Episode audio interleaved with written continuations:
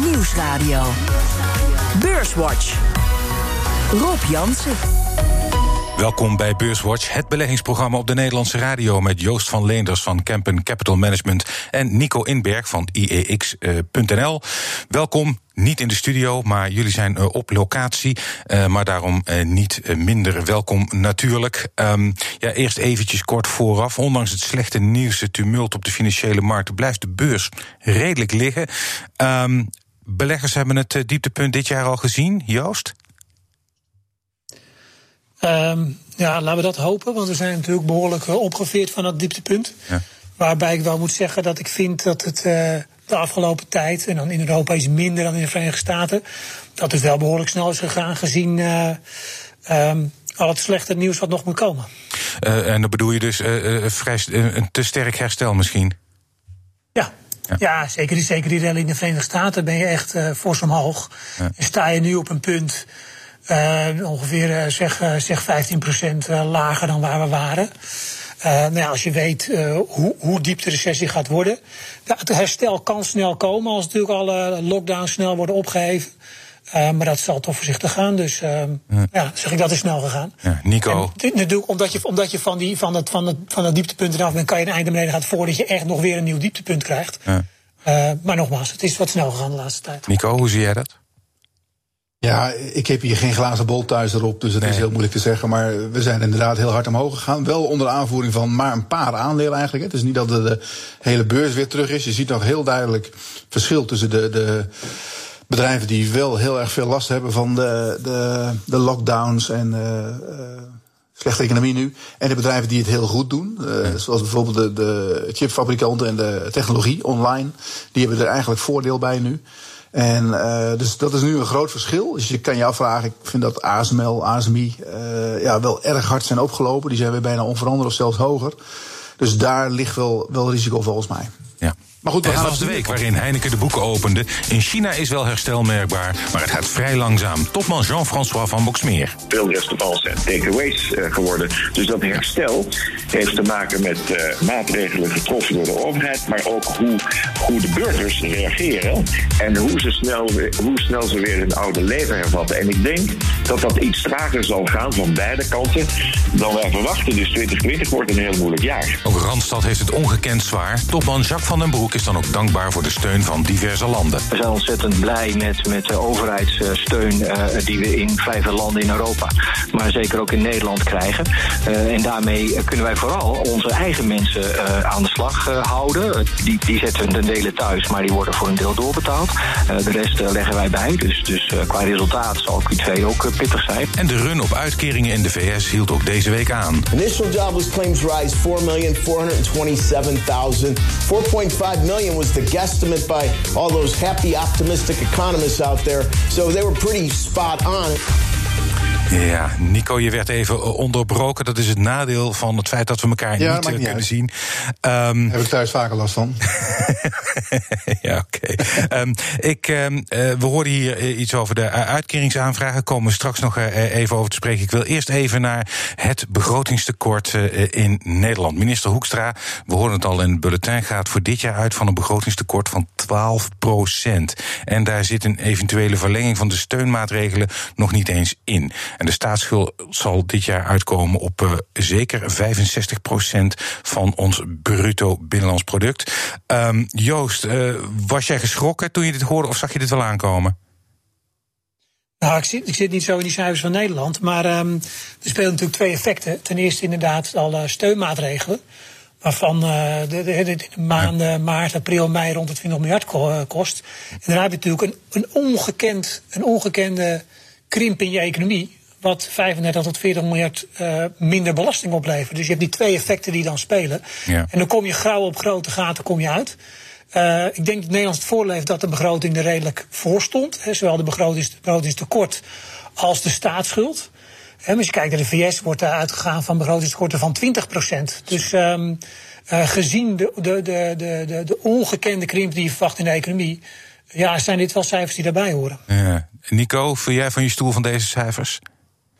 nee, Nou, ik val niet zo snel van mijn stoel. Maar kijk, uh, ja, Nederland staat er natuurlijk heel goed voor. Dus voor ons land is het helemaal, helemaal geen probleem. De rente is erg laag. Ze krijgen het geld nu gratis binnen. Uh, ze krijgen zelfs ietsje geld toe nog. Dus dat maakt allemaal niet zoveel uit. Uh, we zaten volgens mij rond de 50%, dat wordt nu 65%. Maar de, de andere landen in Europa die staan er veel slechter voor. En als er al problemen komen, dan komen die daar. Italië zit volgens mij op 135 procent. De Belgen zitten boven de 100 procent. Nou ja, Amerika, Japan zit allemaal veel hoger. Dus voor ons is dit, uh, met onze typische Nederlandse zuinigheid... hebben we het afgelopen jaren eigenlijk heel goed gedaan... waardoor ze nu vol op het gas kunnen. Ja, maar uh, Joost, Nico zegt terecht, andere landen staan er veel slechter voor. Het feit dat zij er slechter voor gaan, dat gaan wij misschien ook wel weer voelen, of niet? Uh, ja, nou dat is natuurlijk een beetje het hot issue in Europa. Maar, uh, maar Nico noemde Italië bijvoorbeeld. En dat is natuurlijk wel een land waar je um, uh, die, die risicoopslagen op die obligaties ook ziet oplopen de laatste tijd. Ja. Ondanks dat de ECB er heel veel van koopt. De ECB heeft nu een nieuw programma waar ze eigenlijk bij gezegd hebben: we kunnen kopen wat we willen. dus hoeveel we per land kopen, dat maakt allemaal niet meer uit. Dus ze kunnen Italië net zo hard kopen als ze willen.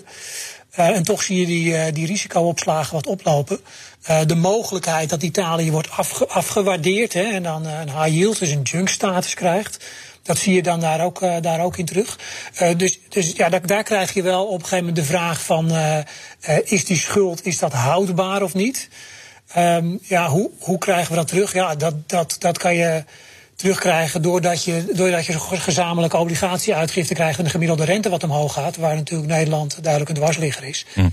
Uh, of een echte crisis in Europa. Mm. Uh, dus dus dat, uh, dat zijn de, de, twee kwaden dan waar je wellicht uiteindelijk uit zou moeten kiezen. Ja. En um, Joost, als je nou kijkt, die, de, dat begrotingstekort van 12%, dat is geloof ik iets van 92 miljard euro. zijn deze investeringen van nu ook niet de bezuinigingen van de jaren daarna? Want het moet ook wel weer afgelost worden. Ja, maar kijk, um, um, um, officieel mag onze staatsschuld niet hoger zijn dan 60 procent, volgens de begrotingsregels. Dus als we nu boven die 65 procent komen, op 65 procent komen, dan staan we er gewoon nog heel goed voor. Dat zijn, en en die, die, die tekorten nu. Um, uh, uh, dat zijn tekorten, dat zijn in principe tijdelijke tekorten. Als je, ervan, als je ervan uitgaat dat de coronavirus op een gegeven moment weg is en we herstellen, dan heb je die tijdelijke uitgaven niet meer nodig. Dus oplopende werkloosheidsuitkeringen, allerlei steun aan bedrijven heb je dan niet meer nodig. Um, uh, en je krijgt die belastinginkomsten krijg je weer terug. Dus het is, het is een, uh, de, de, Nederlandse begroting is vrij cyclisch, dus vrij gevoelig voor de, voor de, voor de conjunctuur. Um, ja, als, als dat op een gegeven moment terugkomt, dan, krijg je, dan hou je niet een begrotingskort van 12% natuurlijk. Nee. Um, uh, voor een deel is dat geld weg. Dus op een gegeven moment zeg je ja, misschien. En als die werkloosheid langer aanhoudt, dan moet je daar wel, uh, wel wat op bezuinigen. Uh, maar ik denk niet dat dat, dat, dat nu de, onder, de belangrijkste onderliggende vraag is. Nee. laten we ook even naar de VS kijken. Hè. Weer ruim 4 miljoen mensen hebben daar een uitkering aangevraagd in één week tijd. Teller staat na vijf weken op zo'n 26 miljoen aanvragen. Um, dat is natuurlijk ook niet gek, want de economie zit daar net als hier zo goed als op slot. Um, ja, Joost, je had het net over een eh, tekort uh, van 20 eh, procent. Um, uh, staatsschuld gaat daar natuurlijk ook omhoog. Um, is dat een probleem voor de Amerikaanse economie of geldt daar in zekere zin hetzelfde voor als voor ons? Ja, nou kijk, het, het, de, de, de, Amerikanen hebben natuurlijk altijd het voordeel dat de dollar een, eh, een, een eh, sleutelvaluta in de wereld is. Ja. Waarin ze hun schuld kunnen uh, uitgeven. En een hoop landen uh, die schuld maar al te graag willen kopen. Dus je ziet in de Verenigde Staten, ondanks deze tekorten en ondanks tekorten van de afgelopen jaren, dat de 10 jaar rente daar ook naar 0,5% is gegaan. en die 26 miljoen werklozen erbij, dat betekent dat uh, een beetje toeval, maar niet alleen de staats, het tekort, maar ook de werkloosheid op 20% komt. Er zijn veel tijdelijke ontslagen bij als je kijkt naar wat er een beetje verwacht wordt komende jaar. Uh, en de tweede helft van het jaar er herstel optreedt, dan, dan kan dat snel weer teruggaan. Um, maar het is, je, ziet, je ziet geen tekenen nu in de markt uh, dat Amerika problemen heeft om die schulden te financieren. Hmm, Nico. Er hebben ook nog een centrale bank die er natuurlijk vol achter kan staan en dat ook voluit doet. Hè. De, de, de, programma's die de, Federal Reserve opgetuigd heeft zijn ongekend. En daar, daar hoort ook het opkopen van obligaties bij en dat kunnen ze in grote getalen doen. Uh, uh, Nico, heb jij er ook wel vertrouwen in dat, dat, uh, dat ze het in Amerika redelijk goed aanpakken? Nou ja, het zit natuurlijk iets anders in elkaar dan hier met, met de werklozen. Kijk, bij ons en ook in andere Europese landen, daar, daar vangt de, de overheid eigenlijk de, de werknemers op, waardoor bedrijven geen mensen hoeven te ontslaan. Hè. Dat is ook een beetje het idee. Hm. Terwijl in Amerika de bedrijven het eerste wat ze doen is gewoon iedereen ontslaan. En dat is voor die mensen heel vervelend, maar het komt uh, uh, groot en ganzen een beetje op hetzelfde neer. Want zodra de economie weer aan de slag gaat, zodra de, de horeca-dingen weer open gaan, dan worden die mensen ook weer aangenomen. Dan hebben ze die mensen weer nodig. Dus het, het, ziet er heel, heel slecht uit. En elke week hoor je oe en a over die cijfers. Dat is ook allemaal heel erg. Maar uh, het wordt ook elke week een miljoentje minder, dus dat gaat wel de goede kant op. Hmm. Maar dat is wel een beetje het, het, verschil tussen Europa en Amerika. Ja, uh, Joost, nog even heel kort misschien. Uh, er kwam vandaag ook een cijfer uit over de duurzame goederen. Orders voor duurzame goederen in de VS. In maart met 14,4 procent gekelderd. Um, ja, ook een tijdelijke schok? Of, of... Ja, dat is nog maar het begin. Want uh, de grote klap zat daar bij de, de orders voor, uh, voor vliegtuigen. Oké. Okay. Uh, die, gingen, die gingen 183 procent naar beneden. Dat, daar, vorige maand was dat plus 12 miljard. Hm. En nu was dat min 10 miljard. Denk je, nou, hoe kan dat 10 miljard zijn? Dus dat betekent dus dat er meer orders gecanceld worden dan, dan erbij komen. Hm. Um, dus, dus, Zou je dan ehm, kunnen zeggen dat het eigenlijk goed gaat? dat het nog meevalt, dit cijfer? Ja, die cijfers vallen mee. Ja, als je kijkt naar de orders voor kapitaalgoederen, daar was op een min 6% gerekend ten opzichte van de maand ervoor. En het was plus 0,1. Dus het valt mee, maar dit zijn de cijfers voor maart. En dat is eigenlijk voordat de Amerikaanse economie uh, getroffen werd. Hmm. Doordat het echt getroffen werd en de lockdowns kwamen. Dus de, de grote klap moet er echt nog komen. Dat, uh, dit, dit, dit zegt niet zoveel. Ja, ja dus uh, jij kijkt vooral meer uit naar cijfers over de komende maanden, komend kwartaal. Ja, en kijk, dat is natuurlijk het nadeel nu. Hè. De, de, de, de, de cijfers die we krijgen lopen gewoon die lopen altijd achter. En dat is nu een groter probleem dan normaal. Dus je ziet ook dat uh, wij, maar dat geldt voor iedereen, op zoek zijn naar allerlei alternatieve data over. Uh, uh, het aantal files, het aantal reisbewegingen, vliegtuigbewegingen, luchtvervuiling, om een beetje grip te krijgen op hoe groot die dalingen nou worden. Mm. Want anders dan zit je gewoon te lang op die cijfers te wachten. Ja. U luistert naar Beurswatch met Joost van Leenders van Campen Capital Management en Nico Inberg van IEX.nl. Voor we verder gaan, maken we even de balans op van afgelopen week. De AEX die sloot op 504,9 punten, is 0,2% lager dan vorige week. Stijgers. De grootste stijger van afgelopen week dat was Adyen met een plus van 11,1 procent. Op de tweede plek Axo Nobel kreeg er deze week 6,7 procent bij. En op drie Philips met een plus van 6,1 procent. En het midcap aandeel dat het best presteerde deze week was Farming met een plus van 21,8 procent. Dalers.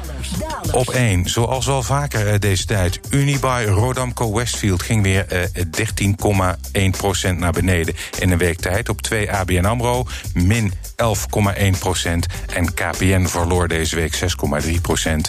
En de grootste daler in de midcap deze week was Fugro... met een min van uh, eh, 8,5 procent. En de AEX is deze week drie van de vijf handelsdagen... ondanks dat uh, lagere slot op weekbasis toch drie dagen hoger gesloten. Um, ik wil eerst even beginnen met, uh, de, uh, met olie nog. Want zien hier ook uh, Fugro, de grootste daler op weekbasis. Ook niet de eerste keer dat dat gebeurt. Um, prominent in het nieuws deze week was ook de negatieve olieprijs. En dan hebben we het over de Amerikaanse West Texas Intermediate. Um, Beurzen reageerden daar heel sterk op, op die daling. Terwijl het ook weer vrij snel herstelde. Joost, heb jij enig idee waarom die reactie zo sterk was? Ja, het is natuurlijk toch een, een, eh, een, eh, een, een heel vreemd iets. Hè? Dat je geld toekrijgt en zelfs bijna 40 dollar toekrijgt als je een vat olie bestelt. Ja. Uh, dat heeft natuurlijk, het heeft natuurlijk gewoon te maken met dat er te veel olie is. En dat uh, het was alleen in de Verenigde Staten, hè, niet in Europa. En dat je, dat je nergens kwijt kon. Dus dat je het allemaal, hè, als, het, als het echt geleverd wordt en je moet het ergens opslagruimte duren, dat het heel duur is. Dat, dat is natuurlijk achterliggende reden. Maar het is wel een, een dislocatie. Normaal lopen die Amerikaanse prijzen en, en de prijzen voor Brent lopen redelijk in lijn. Nu ging dat helemaal uit elkaar. Het is, een, het is toch een teken van, van ook wat stress in het financiële systeem. Het kan gevolgen hebben voor de oliebedrijven. Voor de banken misschien in mindere mate. Die, die, die hebben die blootstelling aardig afgebouwd. Maar het waren, zijn natuurlijk hele extreme bewegingen. En, uh, en, en ja, daar reageren markten dan op, denk ik. Ja, ja Nico, um, uh, ik noemde net al uh, Fugro uh, is dit jaar al flink afgestraft. Ik geloof hier meer dan 60% gedaald. Um, SBM Offshore dit jaar 30% verloren. Um, voor die olieaandelen, en dan heb ik het in, in, dit geval dus even over die toeleveranciers. dat ziet er slecht uit. wegblijven maar even uit die sector als belegger? Nou ja, nou ja, kijk, er zit veel verschil tussen al die bedrijven. Ik vind. Ja je noemt er nu twee, uh, ja, Fugro en SBM, die staan er wezenlijk verschillend voor. SBM heeft eigenlijk langlopende contracten en daar is niet zoveel aan de hand. Uh, terwijl Fugro, die zit met een hoge schuld en die moeten die schuld herfinancieren. Daar waren ze eigenlijk net mee bezig. Dat leek te lukken. Die eerste aandelenuitgifte die ging heel goed ja, van mij op uh, eh, 9 euro nog wat, 89 geloof ik, hebben ze uh, wat aandelen uitgegeven. En toen wilden ze een hele grote obligatie in de markt zetten. En toen begon net deze ellende. Hm.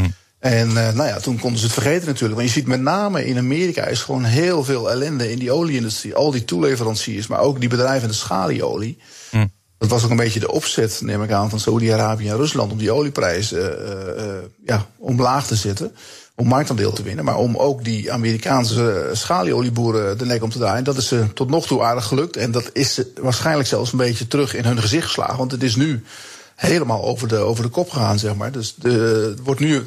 Neem aan dat ze nu wel, uh, sowieso per 1 mei, maar misschien nog wel eerder dat ze een beetje rustig gaan doen met het oppompen van de olie. Want het kan inderdaad nergens mee heen. Ja, um, en betekent dat dat hè, nu, nu die aandelen zo hard zijn uh, afgekomen, dat er misschien ook wel weer wat kansen zijn voor beleggers? Of is dat te vroeg? Nou ja, kansen zijn er altijd. Maar uh, je ziet wel dat die. Kijk, die olieprijs die is nog niet eens drie hersteld. Het ging wel weer wat, wat omhoog afgelopen week. Maar dat was van die hele rare niveaus. Hè. Je zag ook, dat is allemaal een beetje technisch van aard. Maar die, die, uh, er zijn heel veel mensen die willen, willen beleggen in olie. En die, die doen dat vooral in Amerika via ETF's. Die kopen ze een olie-ETF. Alleen die olie-ETF, die belegt in die future. En die moet elke maand moeten ze die future doordraaien naar de volgende maand. En dat geeft enorme stress. Hm. Want uh, die eerste future, niemand wil dat ding overhouden. Want dan moet je het echt afnemen. Je zit daar met die, die fysieke levering.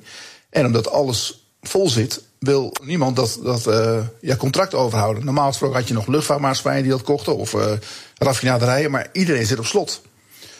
Hm. Dus dat, dat, eh, dat ja, geeft eigenlijk een, een, een soort heel vreemd uh, effect in die oliemarkt. En als dat één keer weer, weer een beetje op gang komt, maar daar moet eerst de vraag naar olie. Dat, dat is eigenlijk echt het probleem. De vraag naar olie is helemaal weggevallen. Die ligt nu op 70% denk ik van de, de normale vraag. Want we rijden niet, we vliegen niet. Ja. Uh, dus er wordt bijna geen olie verbruikt. Ja. Um, wat, de stress. Ja, wat uh, deze week wel uh, omhoog schoot, was het aandeel farming op het nieuws dat hun geneesmiddel Ruconest um, mogelijk ook werkt tegen COVID-19. Um, ehm, flinke stijging op weekbasis voor farming. Nico, lopen beleggers hier niet te ver voor de muziek uit? Zeker ook als je kijkt wat er met Gilead gebeurde.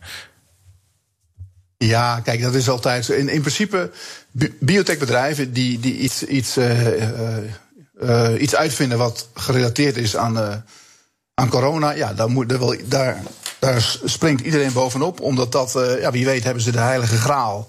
We zagen afgelopen week met Gilead dat het niet altijd zo is. Hè, alhoewel mm. dat nog niet officieel naar buiten is gekomen. Maar, da, daar, maar daar werd in Amerika ook een beetje een raar spel mee gespeeld, had ik het idee. Maar Farming heeft, en dat is niet uh, alleen bij hen, maar die, die, in die twee weken daarvoor, precies twee weken geleden, op 10 april, was er bij op 1 was er een dokter van, van, het, uh, uh, van de Radboud Universiteit in, in Nijmegen. En die had al een verhaal dat ze een doorbraak hadden met hetzelfde proces als waar farming mee bezig is. En toen, ik dacht inderdaad uh, toen al van als het van hun werkt. Want die waren bezig met een, met een, met een medicijn van de concurrent. En dan zou dat van farming misschien ook wel eens eh, kunnen werken. En die waren dus al uh, bezig in Basel in het ziekenhuis. En dat is een, nou ja, goed, dat is, waar hebben we het over? We hebben het over vijf patiënten. Ze mogen maximaal vijf patiënten mogen ze behandelen. Nou, die vier ervan was, uh, was meteen goed. Binnen twee dagen. En de andere moest nog even aan de, de beademing, maar die kon daarna ook naar huis. Dus dat zijn, ja, voor wat het waard is. Dat zijn bemoedigende resultaten. Alleen je wilt wel een echt onderzoek zien. Dus ze gaan nu dat op uh, testen op 150 mensen. En dan krijgt de helft het wel en de helft het niet. En dan gaan ze echt zien of daar, uh, daar verbetering is of niet. En dat gaan ze wel op zeer korte termijn doen. Want dat is het mooie van deze tijd natuurlijk. Er zit nu heel veel druk op. En alle autoriteiten die, die gaan nu meteen mee met alle met, uh, met alle, alle uh, manieren om dit te kunnen faciliteren. Ja. We zullen daar heel snel maar even die, meer van ja. Zeg maar, ja, Joost, die, die, uh, die, die bewegingen die je in zo'n aandeel ziet, het is, nu, het is nu natuurlijk op de, op de beurs de afgelopen week wat rustiger. Maar die heb je natuurlijk eigenlijk op de beurs ook gezien, omdat het juist omdat het zo'n ook zo'n aan-uit recessie is. Hè? Dus als er, een, eh, als er inderdaad duidelijk aanwijzingen zijn uh, dat er een medicijn is tegen het virus, en laat staan als er een vaccin is, dan ga je met die hele markt nu ook zo snel zo hard omhoog. Want dan kun je gewoon alles weer aanzetten. En, en dan is de economische schade beperkt. Het is, niet, het is niet een recessie doordat er allerlei excessen weggewerkt moeten worden. Nee. Het is een recessie omdat we zelf de economie stopzetten. Dus dit, dit soort ontwikkelingen heeft veel breder, uh, kan dat heel snel hele grote gevolgen hebben. Hmm. Um, ik wil ook nog even uh, stilstaan bij uh, Heineken. Um, met cijfers gekomen. In maart 14% minder bier verkocht. Dus ook geen uh, tussentijds dividenden in augustus. Um, Nico, wat vond je van die cijfers gegeven de crisis? Ja, het viel me niet mee. Maar ja, je weet ook dat, het, dat, dit ja, dat het erin zit. En nu, over het algemeen vallen die eerste kwartaalcijfers nou een beetje mee. Omdat het pas eigenlijk half maart echt begon. Dus je moet eigenlijk kijken wat er, wat er in maart gebeurde. En dat zag je ook bij, bij, bij uh, Randstad, die op zich keurige cijfers had. Maar in maart een, een uh, daling had van 30 procent.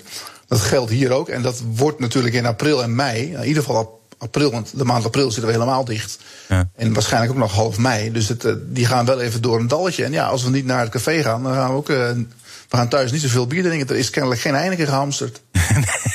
nee, zeker. Nee, nee je ziet ook... Je natuurlijk, het, het, een beetje hetzelfde. Ja. Joost. Ja, het, het, EK is natuurlijk ook afgeschaft. Of ja. is, is, is verlaat. Dat is natuurlijk ook vervelend voor ze. De hele zomer die eraan komt, waar inderdaad een deel van... Uh, van uh, in het, in het, niet in het bier, maar in het water valt. Ja. Uh, wat ik ja. wel opvallend vond om te zeggen, en dan houden ze een beetje natuurlijk een slag om daar, dan zeggen ze tot eind 2020 geen structurele ontslagen vanwege corona. Nee. Is natuurlijk, ja, wat is structureel dat, en, en, en wanneer is het wel of niet corona? Maar dat, dat vond ik wel opvallend. Ja. Dat tekent natuurlijk ook wel de, de, de onderliggende soliditeit van het bedrijf. Ja, uh, wat me wel opviel in uh, wat uh, Van Boksmeer zei, is dat, kijkend naar China, waar ze al vooruitlopen op waar wij zitten, dat de gang naar het, het restaurant nog heel beperkt is. Dat dat maar langzaam op gang ja, komt. Ja, maar dat, dat zie je ook. Als je kijkt naar die Chinese economie, als je kijkt naar de, de, de, het hele maakgedeelte, dus de hele industrie en, en, en, en, en, en, en, en producerende bedrijven, die zitten gewoon redelijk alweer op 100% van hun, van hun capaciteit. Hm. En die dienstensector die blijft achter. Um, en dan heb je in de dienstensector natuurlijk ook gradaties. En dat zie je hier in Nederland ook met het, uh, het op, opheffen van de lockdown. Kijk daar ook dat eerst uh, de meest noodzakelijke sectoren opengaan. Dat is dan een deel van de gezondheidszorg. Uh, misschien noodzakelijke dienstverlening. En ja, de, de, de cafés en de restaurants, die staan natuurlijk vanuit die noodzaak. Ik bedoel, ik snap het wel, de noodzaak voor de ondernemers. En daar wil je het ook zo snel mogelijk voor open doen. Maar voor de noodzaak voor de volksgezondheid en dergelijke. Uh, uh, komt dat het laatst op gang? En zijn het ook de uitgaven die je als consument uh, het makkelijkst kan uitstellen, denk ik? Ja, um, we zijn alweer bijna aan het einde van de uitzending. En dat betekent dat jullie een tip mogen geven voor de luisteraar, een beleggingstip. Um, ja, Joost, zeg het maar. Wat is jouw tip voor de luisteraar deze week? Blijf gezond. Blijf gezond. Oké. Okay. Ja, dat ga ik doen. lijkt me eigenlijk gewoon het belangrijkste. Ja, en voorlopig even maar de beurs laten voor wat hij is. Nou ja, wij zijn, wij zijn, wij zijn wat voorzichtig met aandelen. Uh, uh, omdat we zeggen, het is hard gegaan en er komen nog een, komen nog een hoop cijfers. Hm. Dus dat, dat, dat zou erbij passen, ja. Ja, oké. Okay. Nico, wat is jouw tip voor de luisteraar?